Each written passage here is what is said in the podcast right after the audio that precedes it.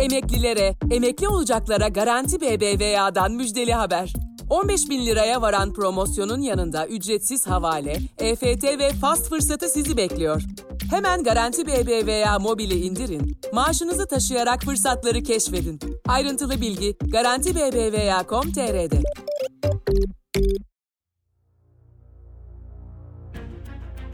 ...15 Temmuz gecesi kadar karanlık, bir o kadar bilinmeyen bir adam. Adil Öksüz. Anne babaların çocuklarını oynamaları için kapı önüne çıkarmaya cesaret edemediği 16 Temmuz 2016'da öğle sıcağında bir elinde valiz, bir elinde kendisi kadar kara bir çanta. Akıncı üssü yakınında tarlada yürüyor. Yorgun. Yorgun olmasın mı? Gece boyunca bir emriyle savaş uçakları havalanmış, bir emriyle tanklar palet döndürmüş, bir emriyle ölüm yağmış. 15 Temmuz darbe girişiminin kara kutusu. Yani uçak düşmüş, kara kutu kayıp. Onu çözmeden 15 Temmuz'u anlamaya kalkışmak herhalde bir uçak kazasından sonra yerdeki metal parçalarını toplamaktan ibaret kalır. Bu karanlık adam gazeteci Müyesser Yıldız'a göre 15 Temmuz'dan önce de devletin elbette bildiği başka istihbarat örgütlerinin elemanı olduğu açık biriydi ve 16 Temmuz'da kaçırıldı. Emniyet Genel Müdürlüğü Organize Suçlarla Mücadele Eski Daire Başkanı, Haliç'te yaşayan Simonlar, Dün Devlet, Bugün Cemaat kitabının yazarı Hanifi Avcı'ya göre 15 Temmuz'da tam da anlaşılamayan Halim Selim duruşuyla hengamede kurtulmuş biriydi ve sorgulanabilseydi bütün bir zinciri tamamlayacak bir mahrem FETÖ imamıydı. Oku, dinle, izle. Kısa Dalga. 15 Temmuz günü saatler 13 gösterdiğinde bir binbaşı Milli İstihbarat Teşkilatı'na giderek darbe yapacaklar dedi. Bu ihbarla Türkiye uzun bir geceye hazırlanmaya başladı. Devlet durumu anlamaya ve önlem almaya çalışırken o saatlerde Akıncı Hava Üssü başta olmak üzere birçok askeri tesiste günlerdir gizliden gizliye sürdürülen hazırlıkların sonuna geliniyordu. Saatler gece 03'e kurulmuştu. Hazırlıklar bu saate yapılıyordu. MİT Müsteşarı Hakan Fidan'ın makam arabası saat 18'de Genelkurmay Başkanlığı karargahına giriş yaptı. Dönemin Genelkurmay Başkanı Hulusi Akar ve Genelkurmay 2. Başkanı Yaşar Güler ile görüştü. Bu görüşme darbe girişiminin planlanan saatte değil, daha erken bir saatte alınmasına neden oldu. Aylardır sürdürülen çalışmalar sonucu Akıncı üstündeki 143. filonun gazinosu darbe girişiminin yönetim merkezi haline getirilmişti. Hakan Fidan'ın karargaha geldiği bilgisi üzerine darbe girişiminin saati erkene alındı. Artık iki tarafta birbirlerinin adımlarından haberdardı. Saatler 22.08'i gösterdiğinde ilk uçak Akıncı Hava Üssü'nden havalanarak Ankara üzerinde alçak uçuşa başladı. Sonrası ölüm, direniş, korku. Biz şimdilik o geceyi tarihçilere bırakalım ve filmi biraz ileri sarıp karanlık adam Adil Öksüz'e dönelim. Darbe girişimi bir şekilde başarısız olup günü ağarınca 16 Temmuz sabahı saat 09.40'tan itibaren darbeci askerler birer birer teslim olmaya başladı. Akıncı üstünden asker ve siviller kaçıyordu.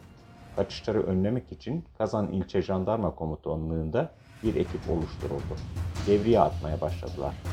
Karakol görevlileri Akıncı'dan 650 metre uzaklıkta bir elinde siyah valiz, diğer elinde siyah bir el çantası, açık mavi gömlekli bir sivilin öğlen sıcağında patika yolda yürüdüğünü fark etti. Kolluk görevlileri silah çekerek o sivili durdurdu. Jandarma görevlilerinin sivil misin asker misin sorusuna ben sivilim tarla bakmaya geldim yanıtını verdi. O isim Adil Öksüz'den başkası değildi. Kimdi bu Adil Öksüz? Devriye atan jandarma eri bilmiyordu belki ama devlet biliyor muydu? Kendisi de FETÖ mağduru olan gazeteci Müyesser Yıldız'a göre elbette biliyordu. Hem de en az 15 Temmuz öncesinde isimleri, resimleri sanki kaçsınlar diye çarşaf çarşaf yayınlanan sivil imamlar kadar biliyordu. 15 Temmuz darbe teşebbüsünden önce sadece yargı değil, TSK başta olmak üzere devletin birçok kurumunda FETÖ'cü listeleri hazırlandığını biliyoruz. Nereden biliyoruz? Dava dosyalarından, çıkan belgelerden, verilen ifadelerden. Sizin de vurguladığınız gibi en somut örnek 15 Temmuz'dan 1,5-2 yıl önce FETÖ'nün il ve ülke imamı olduğu öne sürülen isimlerin tablosunun iktidarı destekleyen Sabah ve Star gazetelerinde yayınlanmasıdır. Bu konuyu biraz detaylandırmamız gerekiyor. Ankara Cumhuriyet Başsavcılığı FETÖ çatı iddianamesini hazırlamaya çalışırken 2014'te önce Türkiye'deki şehir imamlarının fotoğrafları ve adları yayınlandı. Sonrasında bunların tamamının ort- e, kaçtığı ortaya çıktı.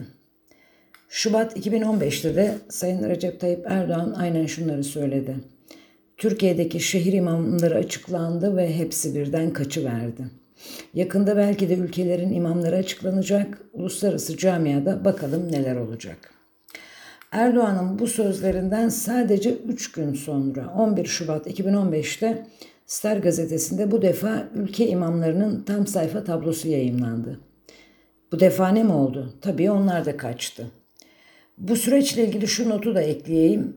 Soruşturma yürüten dönemin savcısı gazetelerin, bu gazetelerin yönetimlerini arayarak siz ne yapmaya çalışıyorsunuz dedi ama geçmişler olsun. Aynı konuda önemli bir ayrıntı daha var. Biliyorsunuz e, mecliste 15 Temmuz darbe teşebbüsünü araştırma komisyonu kuruldu. Dönemin Genelkurmay Başkanı Hulusi Akar gibi MİT Müsteşarı Hakan Fidan da komisyona gitmeyip yazılı bilgi ve rapor gönderdi. MİT'in Mayıs 2017'de gönderdiği raporda ne vardı biliyor musunuz? Gizli damgalı 7 tablo. Ne tablosu mu? İsimleri ve fotoğraflarıyla FETÖ, PDY'nin 15 Temmuz öncesi diğer ülkelerdeki sorumluları yani dünya imamlarının tablosu. Ve iki yıl önce iktidar medyasının yayımladığı tablolar ve fotoğrafların neredeyse birebir aynıydı. Buradan çıkan sonuç ne mi? Ya MIT dünya imamlarını isim isim biliyordu hatta çoğunun fotoğraflarından anlaşıldığı kadarıyla bunları takip etmişti ya da koca istihbarat örgütümüz iki yıl önce gazetelerde yayımlanmış listeleri meclise göndermişti. O süreçte FETÖ'nün önemli adamlarının yurt dışına kaçması engellenemedi denildi. Acaba engellenemedi mi yoksa engellenmedi hatta kaçmalarına yol mu verildi? Tam burada Sayın Recep Tayyip Erdoğan'ın 7 Kasım 2017'deki şu sözlerini hatırlamamak olmaz. Akıllı olanlar Türkiye'yi terk etti gitti, aklı yetmeyenler burada tuzağa düştü dedi. Devletin adil öksüzü 15 Temmuz'dan önce bilip bilmediğine gelirsek, elbette biliyordu. Belgesi mi? FETÖ çatı davası iddianamesi. Malum bu iddianamenin hazırlanmasına 17-25 Aralık'tan sonra başlandı, yıllarca sürdü. 15 Temmuz'dan hemen sonra da kabul edilip dava açıldı. İşte bu iddianamede Adil Öksüz'ün de adı vardı.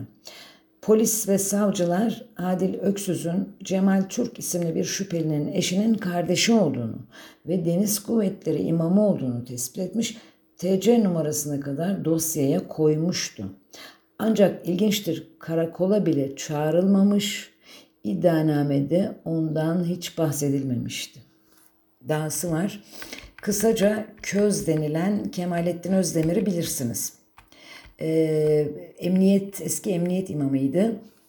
Fethullah Gülen'le yollarının ayrıldığı, sonrasında FETÖ ile mücadelede devlete yardım ettiği falan söylendi.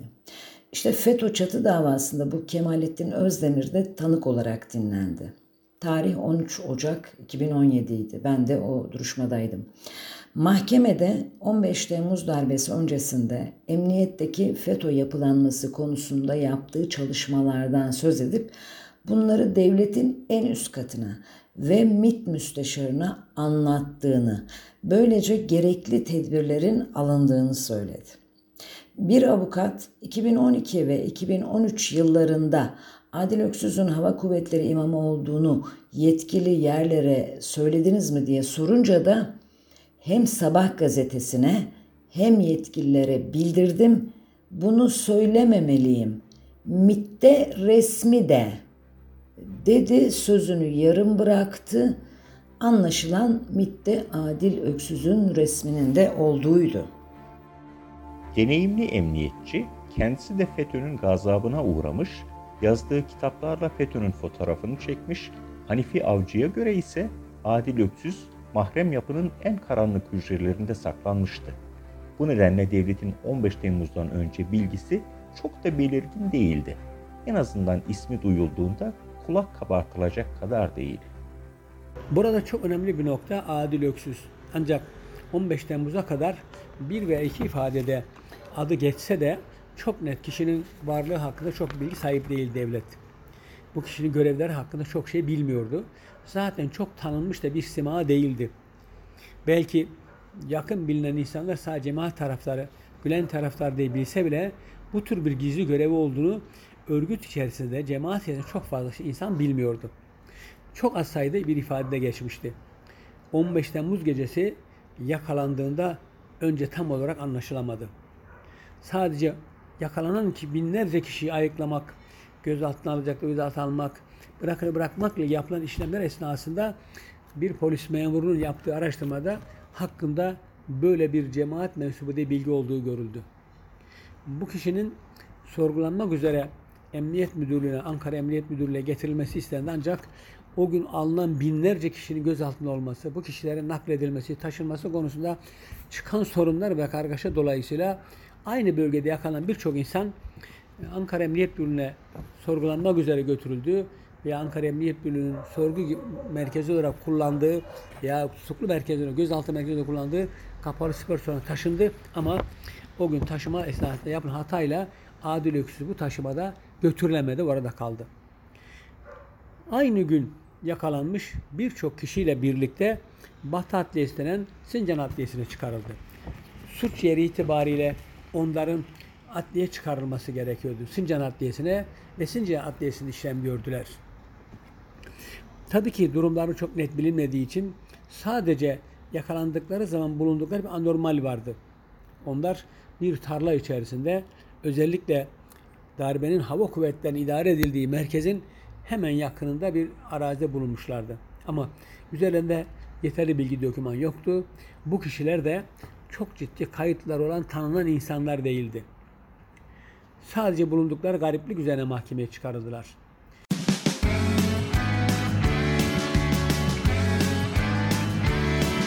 Kulağınız bizde olsun. Kısa Dalga Podcast.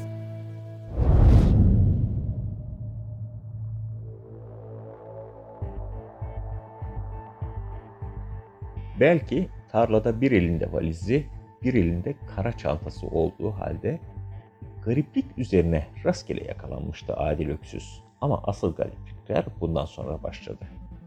Adil Öksüz jandarma karakoluna getirildiğinde saat 12.12'yi gösteriyordu.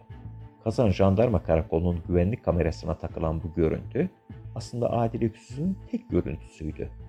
Darbenin yönetim merkezi olan 143. filoda çok sayıda asker ve sivil imamın görüntüleri ortaya çıkmasına rağmen Öksüz'ün hiçbir kamera görüntüsü yoktu.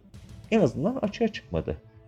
Adil Öksüz karakola geldikten sonra istihbaratçı polis memuru tarafından kimliği sorgulandı. Merkezden polis memuruna Adil Öksüz'ün FETÖ'nün mahrem imamı olduğu söylendi. Hatta polis memuru Öksüz'ün yüzüne İmamsın oğlum bundan sonra bizdesin. Seninle daha özel ilgileneceğim diyordu. Sonra karakolda o sırada göz altında bulunan darbeci askerlere dönüp bu sizin imamınız size emirleri bu getiriyor. Koskoca albay olmuşsunuz, şu adamdan emir alıyorsunuz.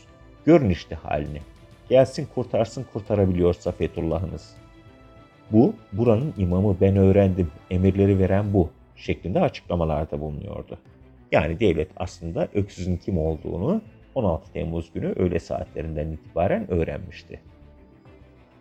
Yoksa bu sözler Adil Öksüz'ün kaçırılması için bir danışıklı dövüş müydü?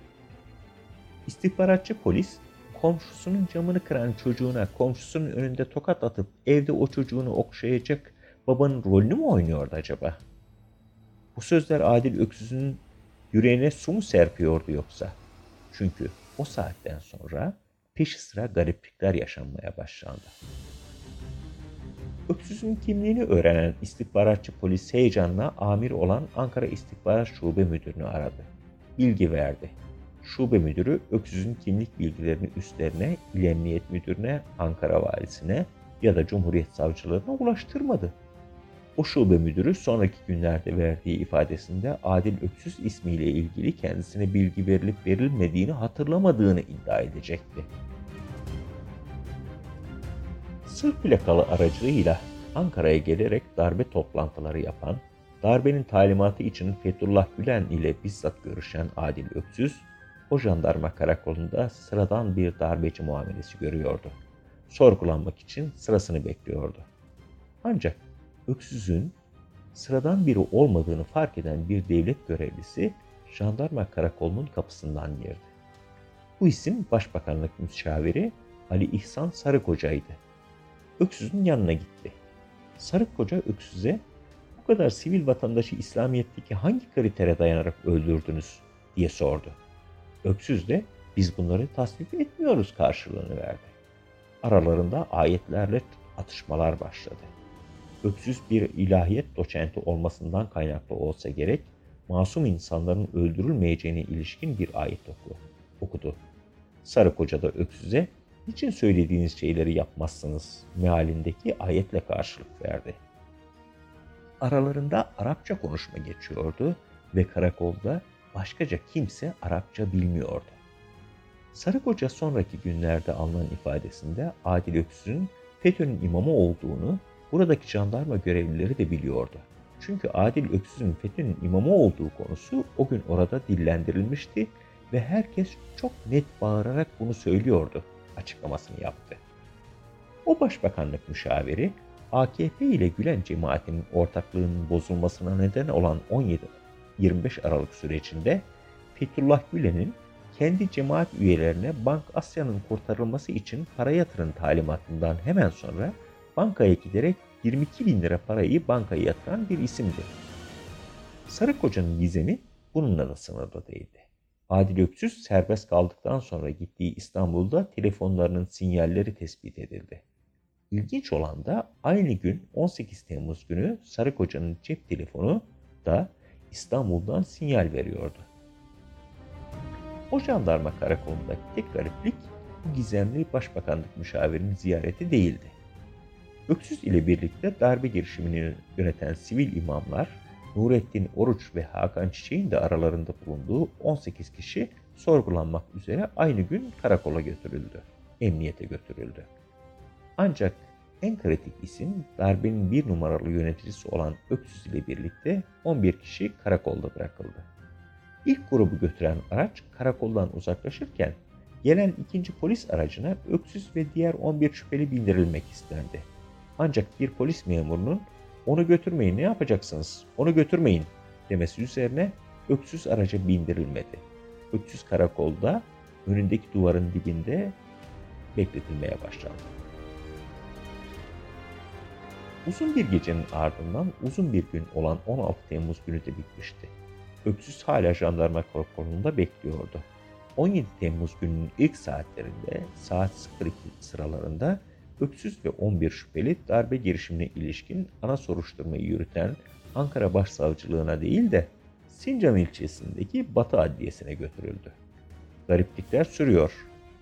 Darbe girişiminin planlanmasından icrasına kadar her şeyi bitirebilecek ve her şeyi bilebilecek olan bir kişi olan Adil Öksüz adeta kaçırılırcasına gözden uzak bir ilçenin savcılığında sorgulanmak isteniyordu. Öksüz'e gösterilen müsamaha bununla da sınırlı kalmadı. Öksüz nezarete alınmadan önce üst araması yapılmadı. Hatta jandarma komutanı Öksüz'ün telefonunu delil poşetinden çıkarak avukatını araması için kendisine verdi.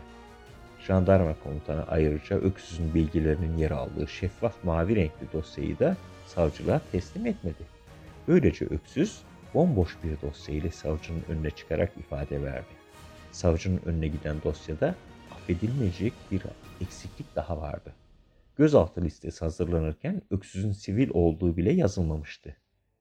Öksüz, savcılık sorgusunun ardından tutuklanması istemiyle hakimin önüne çıkarıldı. Tarla bakmaya geldim dedi. Hakim de kendisini adli kontrol şartıyla serbest bıraktı. Soruşturmayı yürüten savcı karara itiraz etti. Bir başka hakim tarafından da bu itiraz reddedildi. O gece Sincan Adliyesi'nde tam 100 şüpheli vardı. 99'u tutuklandı. Bir tek o Adil Öksüz tutuklanmadı. Bu duruma Öksüz'ü savunmak için görevlendirilen avukat bile şaşırmıştı. Serbest kalan Öksüz nezarethaneye döndü. Yerden yüksekliği 50-60 santimetre olan valiz ve içindeki eşyalar ile telefonlarını teslim aldı. 51 adet 200 TL, 11 adet 100 TL, yani toplam 11.300 TL. 36 adet 100 dolar, yani 3600 dolar. 3 adet flash bellek ile yer koordinat belirlemeye yarayan GPS aracı cihazı. Hatta bütün malzemelerimi eksiksiz teslim aldım şeklinde tutanak bile imzaladı. Bütün bu olup bitenler birçok soruyu gündeme getiriyordu. Adil Öksüz önemli adam denilerek kaçırılmak için mi diğer darbecilerden ayrılmıştı? Başbakanlık müşavirinin karakolda ne işi vardı? Karşılıklı ait atışmaları sırasında şifreler mi alınıp verildi? Dosyayı hakimin önüne neden eksik çıkarıldı? O günlerde yolda bulduğu elektronik aleti inceleyen devlet Adil Öksüz'e flash belleğini ve GPS cihazını nasıl öyle kolayca verdi? Ve dahası devleti ele geçirmek için yıllarca, darbe yapmak için aylarca plan yapan FETÖ, en önemli adamını tarladan neden yürütüyor ve onu alıp gitmiyordu? Sorular çoktu. Müyesser Yıldız bunlardan bazılarına şu yanıtı veriyor. Biliyorsunuz Adil Öksüz Akıncı Üssü civarlarında bir tarlada yakalandı. Arsa bakmak için orada olduğunu söyledi. Eğer darbenin planlayıcısı o ise elbette ki başarısızlık ihtimaline karşı bir kaçış planının olması gerekirdi. Yakalandığına göre iki ihtimal var. Birincisi yakalanmak istedi. Ama sonradan firar etmesi, kaçırılması bu ihtimali zayıflatıyor. İkincisi darbenin başarısız olma gibi bir ihtimali bulunmuyordu onlara göre. Onun için herhangi bir kaçış planı yapılmadı. Her halükarda 15 Temmuz'un birçok bilinmeyeni gibi bu da bilinmeyen ve anlaşılamayan bir muamma. Jandarma kimliğini tespit ediyor ama onun böylesi önemli bir adam olduğunu muhtemelen bilmiyor. 15 Temmuz'daki karmaşayı hatırlayın. Herkes üst üste gözaltına alındı. Bir koordinasyon yoktu. Savcılar el yordamıyla gidiyordu. Bu karmaşada Adil Öksüz ve onu koruyanlara yaradı diye düşünüyorum. Ali İhsan Sarıkoca'yı kastediyorsunuz sanırım. Biliyorsunuz 15 Temmuz'da Kazan Belediye Başkanı Lokman Ertürk'le Antalya'dalardı. Ertesi gün Ankara'ya geliyorlar. Kendi anlatımına göre bir istihbaratçı ile görüşüyor. O istihbaratçı konum atıyor. Bir bakıyor gittiği yer jandarma karakolu. Kim olursa olsun elini kolunu sallayarak hele 15 Temmuz 16 Temmuz gibi tarihte karakola girip şüphelilerle görüşebilir mi? Burada nedense sadece Adil Öksüz ilgisini çekiyor. İlahiyatçı olduğunu öğrenince ilgisini çektiğini söylüyor. Yine kendi ifadesiyle ona küfürler ediyor falan. Bence sadece Ali İhsan Sarıkoca değil, dönemin Kazan Belediye Başkanı Lokman Ertürk de bildiği her şeyi anlatmadı. Sizin bana sorduğunuz bu soruyu devletin de Sarıkoca'ya sorup gerçeğe ulaşması gerekmez miydi? Demin de vurguladığım gibi 15 Temmuz'dan sonra büyük bir hengame vardı. Adliyeler üst üste insanlarla doldu. Herkes yakaladığını bir yerlere götürdü. Adil Öksüz'ün yakalandığı yer itibariyle yakın olduğu için Sincan'a götürüldüğünü düşünüyorum. Özel bir muamele yapıldı mı, yapılmadı mı bilemiyorum ama göz altındayken cep telefonunu kullanmasına, birilerini aramasına izin verildiğini biliyorum. Sebebi şu, bir an önce ifadelerin alınması için avukatlarını çağırmaları isteniyor. Göz altındakiler ailelerine veya avukatlara nasıl ulaşacak? Adil Öksüz işte o zaman benim telefonlarımı getirip arasınlar diyor. Jandarma da getiriyor. En önce kendisi bir yerleri arıyor, sonra göz altındaki diğerleri. İlginçtir. Diğerlerinin kimleri aradığı tespit edildi ama Adil Öksüz'ün 2-3 görüşmeyi kiminle yaptığı tespit edilemedi. Normal arama değil WhatsApp veya başka yoldan görüştü denildi, geçildi gidildi. Teknoloji bu denli gelişmiş iddialara göre WhatsApp görüşmeleri bile izlenebiliyor. Ama Adil Öksüz'ün kimlerle nasıl görüştüğü bulunamıyor. Bence en kilit nokta burası. Adil Öksüz'ün o gün kimleri aradığı bulunsa çok şey çözülür. Tabii çözülmek isteniyorsa. Adil Öksüz nasıl serbest kalabildi? Ya karambolden kurtuldu ya da tereyağından kıl çeker gibi kurtarıldı. Başka ihtimal yok. O yüzden gözaltında yaptığı görüşmeler hayati önemde diyorum. Burada da iki ihtimal var. Ya bu denli önemli bir adam olduğu bilinmiyordu, başlangıçta çok da umursanmadı veya belirttiğiniz gibi yakalanmak istenmedi. Şu gerçeğin de altını çizmek gerekiyor. Yıl 2021 oldu. Hala devlette ne kadar FETÖ'cü olduğu anlatılıp o hal uzatılıyor. Bir de o günleri düşünün. Daha her yerdelerdi. Etkili ve yetkili konumda idiler. Soruşturmaların bu denli karışmasının, içinden çıkılmaz hale gelmesinin bir sebebi de bu değil mi? Renklendiler, hedef saptırdılar, çuvalı büyüttüler. Diyeceğim o kripto FETÖ'cüler herhalde Adil Öksüz'ün nedenle önemli bir isim olduğunu biliyorlardır. Haliyle de koruma, kollama, kaçırma görevini yerine getirmiş olabilirler.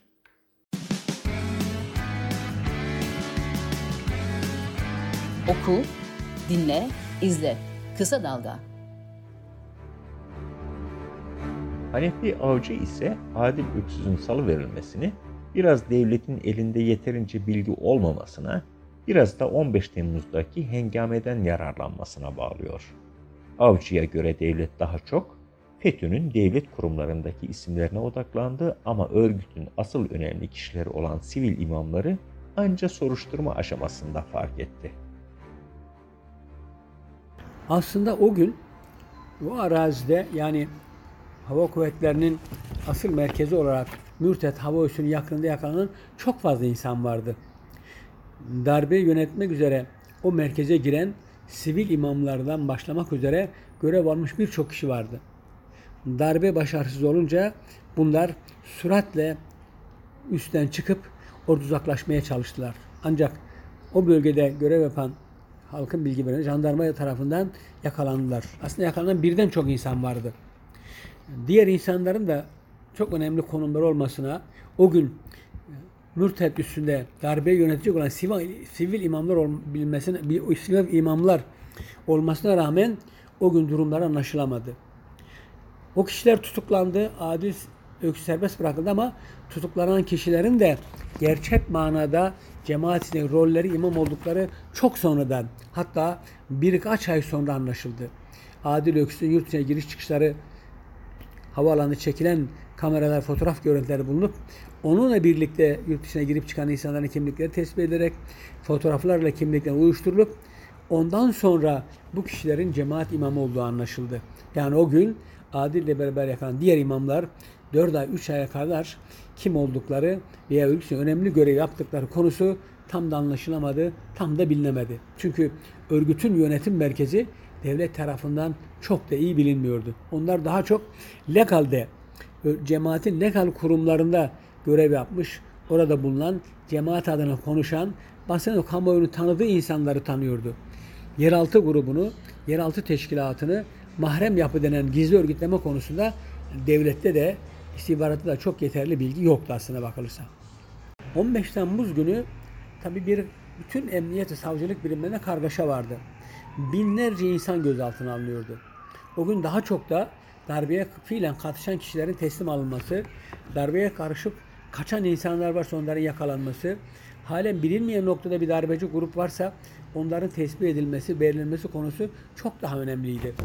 İkinci derecede birçok yerde yakalanmış insanların gözaltına alınması, bunların belli bir merkeze toplanması, sonra kimliklerinin tespiti, arşiv kayıtlarının araştırılması, sonra bunların sorgulanması. Tabi bu arada gözaltına alınması ve ifadelerin mahkemeye çıkarılması işlemler vardı. Binlerce insan olunca binlerce insanı bir anda gözaltına alacak, hakkın işlemleri yapacak, soruşturma yapacak, mahkemeye savcılıklara çıkaracak bir sistem çok da mümkün değildi.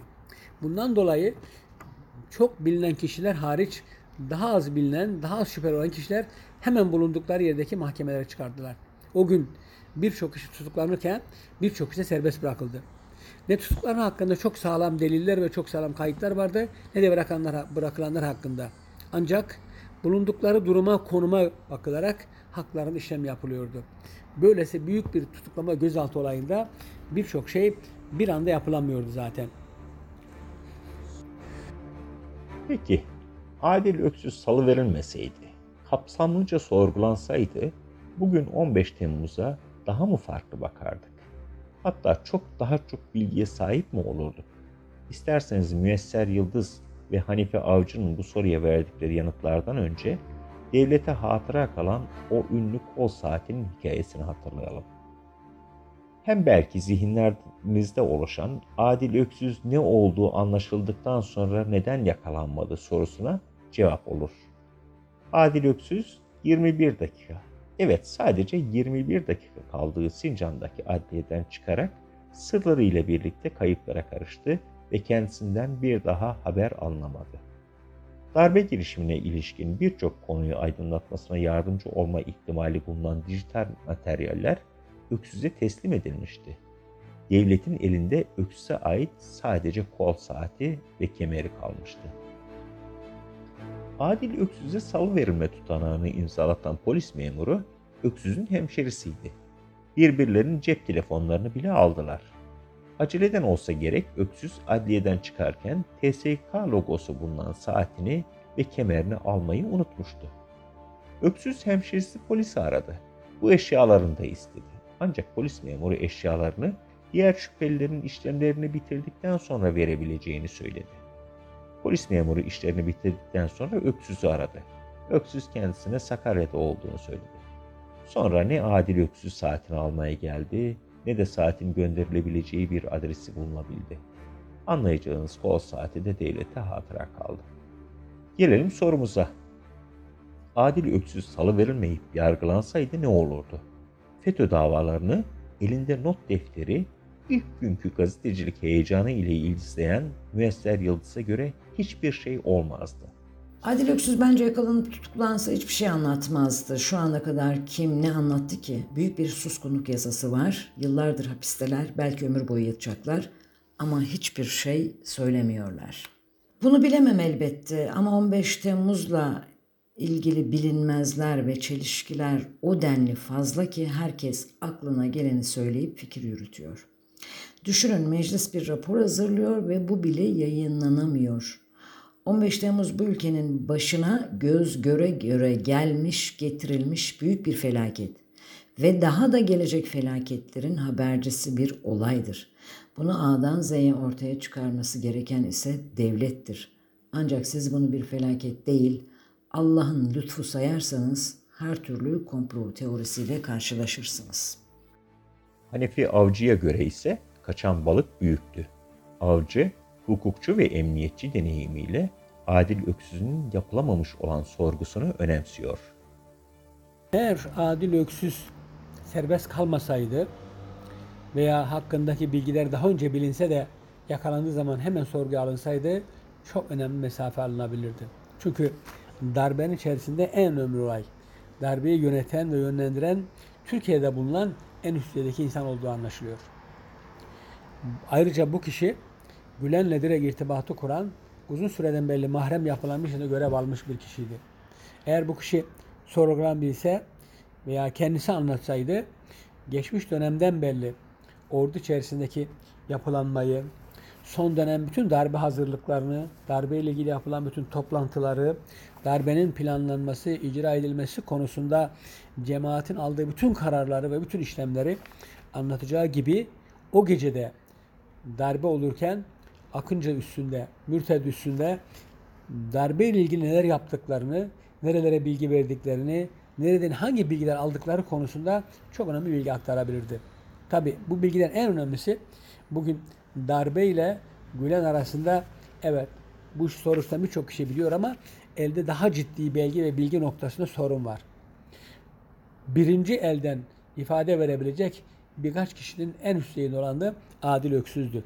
Eğer Adil Öksüz bu olayı bir bütün halinde anlatsaydı bize direkt Gülen'den aldığı talimatları ona darbenin hazırlık safhasında nasıl neler yaptığını, Gülen'de darbe ile ilgili hangi talimatları aldığını ve bunlar nasıl icra ettiğini, bunlarla ilgili kimleri nasıl koordine ettiği konusunda çok geniş bilgiler verme imkanı vardı. Çünkü darbenin en üst yöneticisi uzun süreden belli de bu mahrem yapılanma denen silahlı kuvvetlerinin örgütlenmesi ve orada kişilerin cemaat doğrultusunda yenilenmesi, yetiştirilmesi, organize edilmesi konusunda görevliydi.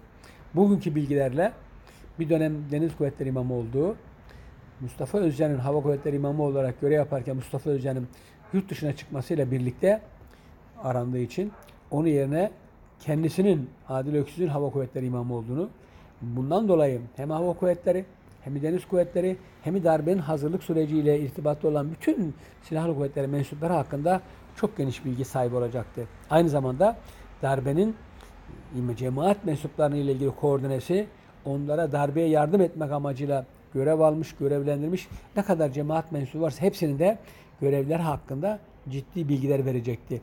Bugün kopukluk olan, Gülen'den başlayan en altta darbeye karışan subay veya sivil imamlara kadar veya sivil cemaat görevlerine kadar aradaki bütün bir zinciri tamamlayacak, bütün bir zinciri anlamlı şekilde bütüne de anlatabilecek önemli bir kişiydi. Yakalmamış olması bu bilgilerin ciddi kaybına sebebiyet verdi. Adil Öksüz hengamede kurtuldu veya önce yargıdan sonra ülkeden kaçırıldı. Bunu çözecek bilgilere sahip değiliz. Ama bütün bu sürecin sonucunda kime ne olduğunu biliyoruz. Öksüz kayıplara karıştıktan sonra kamuoyu ve muhalefetin baskısıyla o jandarma karakolundaki asker ve polisler hakkında dava açıldı. 29 kişi yakala, yargılandı. Mahkeme, karakol komutanı ve Adil Öksüz'ün hemşerisi olan polise sadece 6 ay hapis cezası verdi. O gün koşullarında düşünen mahkeme bu iki sanık için iyi hal indirim yapmayı da ihmal etmedi. Cezaları 5 aya düştü. Adil Öksüz'ün ismini üstlerine bildirmeyen Ankara İstihbarat Şube Müdürü'nün de aralarında bulunduğu diğer görevliler ise beraat etti. Öksüz'ü serbest bırakan hakimler meslekten ihraç edildi. Öksüz'ün serbest kalma kararına yapılan itirazı reddeden hakimin sonradan FETÖ bağlantısı tespit edildiği için yargılandı ve ceza aldı. Öksüz'ün sorgulandığı Sincan Adliyesi'nin başsavcısı ise şimdi İstanbul Cumhuriyet Başsavcısı oldu. 15 Temmuz darbe girişiminin 5. yılındayız. Kimilerine göre sıradan, bize göre kara kutu olan Adil Öksüz'ün serbest kalması üzerindeki karanlık hala aydınlanmış değil. Hatta şimdi komple teorisi kokan bir soru var. Adil Öksüz MİT elemanı mıydı? Sormadan edemezdik. Belki Hanefi Avcı'nın anlatımıyla üzerinde düşünmeye ve konuşmaya bile değmeyecek temelsiz bir iddia. Ancak Müesser Yıldız'ın biraz da Sedat Peker şakasıyla karışık yanıtını not düşmeden de olmazdı. Çünkü önemliydi. Evet Adil Öksüz'ün MIT elemanı olduğu da iddia edildi. Doğru mu değil mi biz bilemeyiz ki. Belki Sedat Peker biliyordur. Şaka bir yana. Öksüz'ün MIT elemanı olup olmadığını bilmem ama başka istihbarat örgütlerinin elemanı olduğu çok açık. Şu anda nerede? Almanya'da olduğu söyleniyor. Hatırlayın Erdoğan sözde savcı Zekeriya Öz için Merkel'e onu vermezseniz biz de size kimseyi vermeyiz dedi. Almanya özü vermedi ama Türkiye Merkel kim istiyorsa verdi. Dikkatinizi çekerim. Adil Öksüz için Almanya'ya böyle bir rest bile çekilmedi. Acaba neden? Nasılsa vermezler diye mi düşünülüyor? Yoksa Adil Öksüz'ün gelmesi istenmiyor mu? Farkında mısınız? Adı bile anılmıyor artık. Şöyle toparlayayım. 5 yıl geçti. Biz Türk milleti 15 Temmuz'da ne oldu ne olmadı hala anlamaya, öğrenmeye, bulmaya çalışıyoruz. Sanıyorum yabancı ülke yöneticileri ve istihbarat örgütleri 15 Temmuz gerçeklerini maalesef bizden çok daha iyi biliyor. Bunun anlamını ise sizlerin ve dinleyicilerimizin takdirine bırakıyorum. Kısa Dalga podcastleri Demet Bilge Erkasab'ın editörlüğünde Mehmet Özgür Candan'ın post prodüksiyonu ve Esra Baydemir'in hazırladığı görseller ile yayınlanıyor. Kısa Dalga'ya destek vermek için Patreon sayfamızı ziyaret edebilirsiniz.